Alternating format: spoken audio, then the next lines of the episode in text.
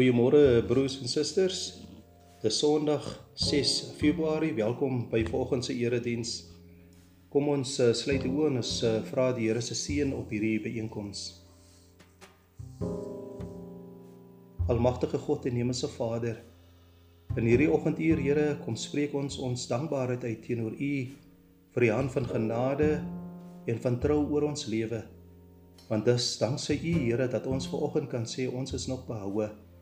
Hemelse Vader, kom lei ons deur die Gees en sien hierdie byeenkoms, Here, tot eer van U naam. Met baie danksegging. Amen. Liewe broers en susters, vanoggend se skriflesing vind ons in twee gedeeltes. Die eerste gedeelte is Jesaja 43 en ons lees daarvandaan vanaf vers 15.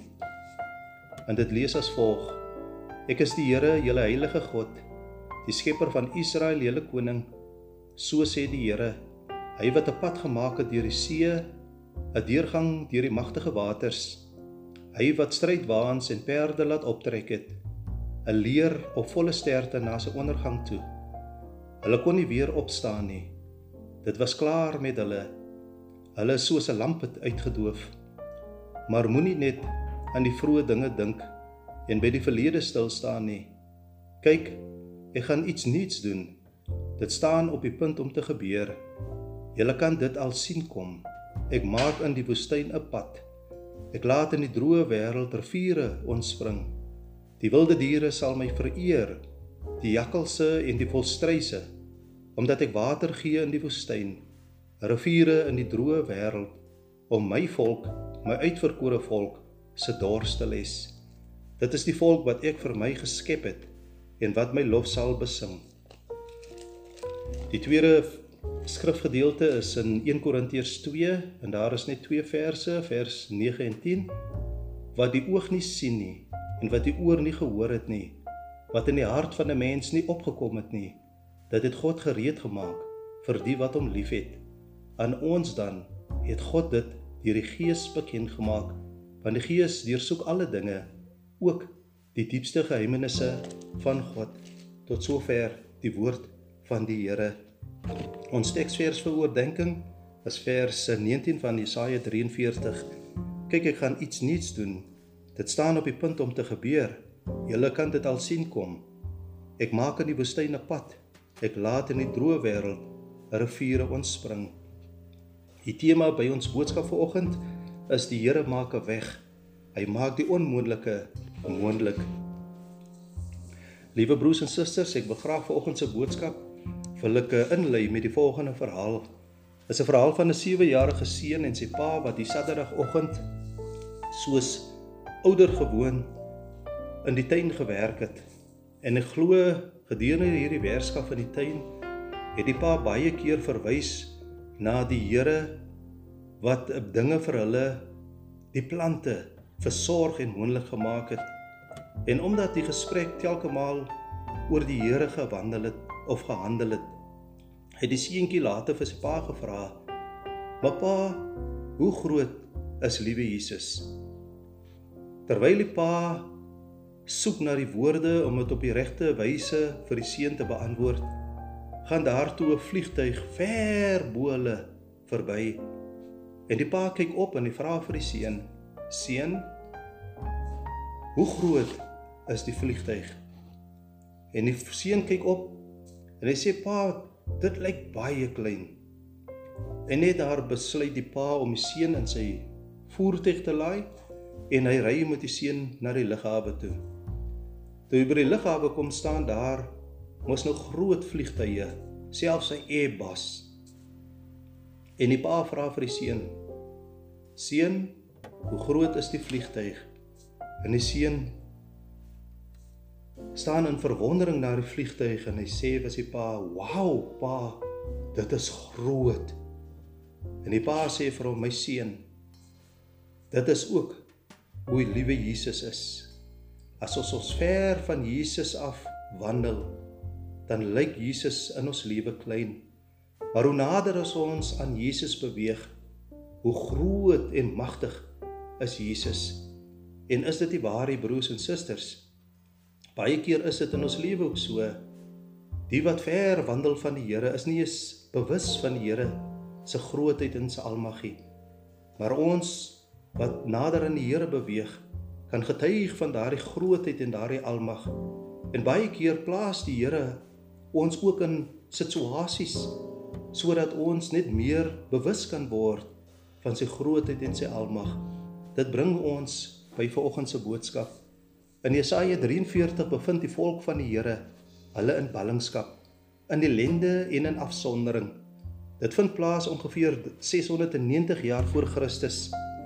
Hulle bevind hulle onder die heerskappy van die Assiriërs en die bedreiging bestaan dat hulle as slawe aangewend sal word.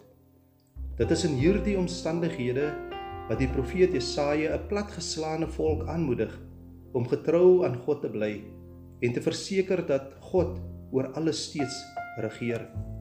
God het die mag om 'n nuwe looitjie uit 'n afgekapte stomp voor te bring, om 'n pad in die woestyn te maak om sodoende redding vir hulle te bring.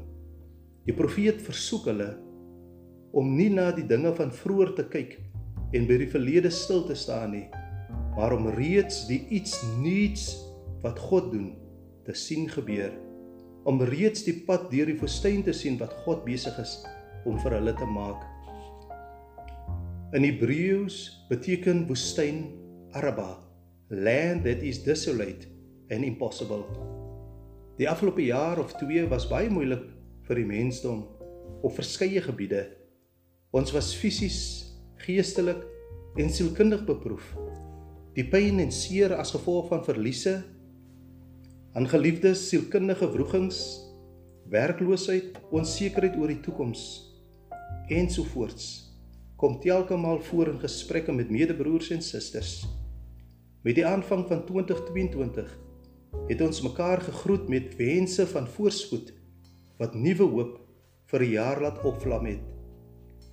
Geselse mense in die verbygaan met jou medemens nou en doen navraag oor hulle welstand dan hoor jy reaksies soos onder andere: Die lewe druk, maar ek druk hom terug. Dit knaag my broer, maar ek kyk noord en beer voort. Die positiewe ingesteldheid is so tasbaar. Maar dit is duidelik dat al is 2022 slegs 'n maand oud, baie mense hulle al reeds in hulle eie soortige woestyn bevind. Stryde en beproewings wat net knaand opduik en net onmoontlik blyk om te oorkom. Genoeg om 'n mens moedeloos en te neergedruk te laat voel. Joel Osteen sê om die sorges van die lewe te ervaar is onvermydelik en sal elkeen van ons die een of ander stadium van ons lewe tref. Maar net soos met die verbondsvolk van ouds, kom praat die profeet Jesaja ook vanoggend met ons. Om wanneer ons onsself in hierdie woestyn bevind, ons vertroue in God te plaas en moedig die stryd te stry. Hy verseker ons dat die Here steeds in beheer is en verhewe is bo enige probleem wat ons mag ervaar. Romeine 8 vers 31 If God is for us, who can be against us? Liewe broers en susters, as die Here vir ons is, wie kan dan teen ons wees? Daar is 'n Pinksterkoortjie wat ons bemoedig en lei as volg: Niks is onmoontlik in sy naam. Moet nie vrees nie, moet nie twyfel. In sy woord beloof hy mooi, kom na my met al jou pyn. Jesaja gaan verder deur te versoek dat ons nie verder na die dinge van die verlede hoef te kyk nie, want dit maak ons neerslagtig en blind vir God se hand in ons lewe. Soos Paulus van ouds moedig hy ons aan om ons los te maak van dit wat agter is en uit te strek na dit wat voor is. Want u sien, liewe broers en susters, die Here het wel soos in die geval van die Israeliete uitkoms in ons verlede gebring, maar hy is almagtig en groot. Aan sy vermoëns is daar geen perke nie. Die volgende weg wat hy maak is iets nuuts en verskil van dit wat vroeër gebeur het. Sy krag en mag is ver groter as wat die mens gedagtes kan bepaal. Wanneer ons onsself in 'n woestyn bevind, in afsondering, in daardie moeilike situasie, dan skep dit ook die geleentheid om nader aan God te kom. Ons raak meer en meer bewus van ons afhanklikheid van Hom. dat die tasbare dinge minder belang is, belangrik is en dat die lewe meer werd is as enigiets anders. Daar ontstaan 'n intense begeerte om meer van ons verlosser en saligmaker te beleef. Die manier hoe ons geestelik na onsself kyk, verdiep en ons ervaar 'n tipe heiligmaking, 'n helder oomblik in ons lewe. Ons siel realign met God en ons saligmaker en verlosser en hy vernuwe ons gedagtes. Romeine 12 vers 2. En met eens kyk ons ook anders na die lewe. Die glas is skielik nie meer half leeg nie, maar half vol. Ons voel die intense alomteenwoordigheid van die Here en sy hand is meer sigbaar as vroeër. Ons sien al die uitkoms, die pad wat hy vir ons in die woestyn maak. Dit is dan dat ons soos Habakuk van oud sal sê, al sou die vrye boom nie bot nie, nogtans sal ek jubel in die Here. Of 'n Job van ouds wat in sy ellende verklaar, ek sal die Here loof wanneer dit goed gaan maar ook in tye wanneer dit nie goed gaan nie. Of soos Paulus en Silas wanneer hulle in gevangenis verkeer, dan sing hulle lofliedere tot eer van die Here, want in hulle geeste se oog sien hulle die weg wat die Here besig is om vir hulle te maak. Liewe broers en susters, die krag en mag van die Here eindig nie net by ons wanneer hy ons vir ons 'n weg gemaak het nie. In Johannes 14 vers 12 gee Jesus die volgende versekering aan sy disippels: Wie in my glo, sal ook die dinge doen wat ek doen, omdat ek na die Vader toe gaan. Die Here bemagtig en stel ons as sy disippels ook in staat om 'n weg in iemand anders se woestyn te maak. Nadat Petrus Jesus verloon en homself in afsondering bevind het, kom hy vol berou en ledig hom voor God, vol van die Gees stel God hom in staat om nie net mense gesond te maak nie, maar selfs uit die dood op te wek. Hy bring ook by geleentheid meer as 3000 mense tot bekering, dinge wat hy nie vroeër op sy eie kon vermag het nie. So dierbares wil die Here ons ook gebruik as instrument as 'n kanaal wil hy ons in staat stel in ander se lewens. Johannes 3 vers 30 lei as volg: Hy moet meer word en ek minder. As ons die eie ek in onsself kruisig en ons sodoende ledig voor God, dan laat ons sy gees toe om ons harte te vul. En deur sy gees sal hy ons ook in staat stel om 'n verskil op die een of ander wyse in iemand anders se lewe te maak.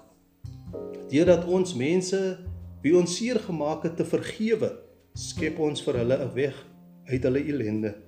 Ons maak ook 'n weg vir die medemens deur onvoorwaardelike liefde te betoon. Om selfs 'n oor te wees en tyd in te ruim vir daardie kind wat aan dwelms verslaaf is of wat geboelie word, skep 'n reddingsboei. Om barmhartigheid te betoon aan ons medemense in nood, herstel hulle menswaardigheid.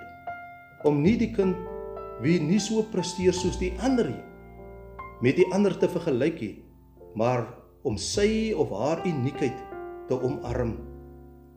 Deur volgehoue bemoediging en bearbeiding red ons 'n lewe deur daardie afgedwaalde skaap terug op die ware weg te bring.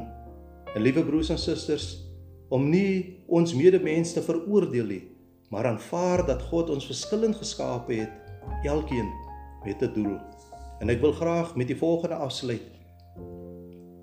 As uh, Don Moon sing God will make a way where there seems to be no way. He works in ways we cannot see. God will make a way. As gelowiges beloof die Here nie dat ons vrywaar sal wees van 'n woestyn in ons lewe nie. Maar hy verseker ons wel dat hy vir ons 'n pad daardeur sal maak. Amen.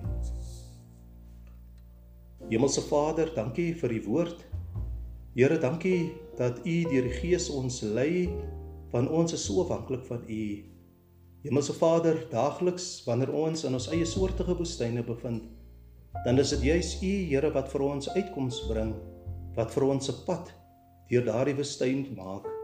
En Vader, lei ons deur die Gees.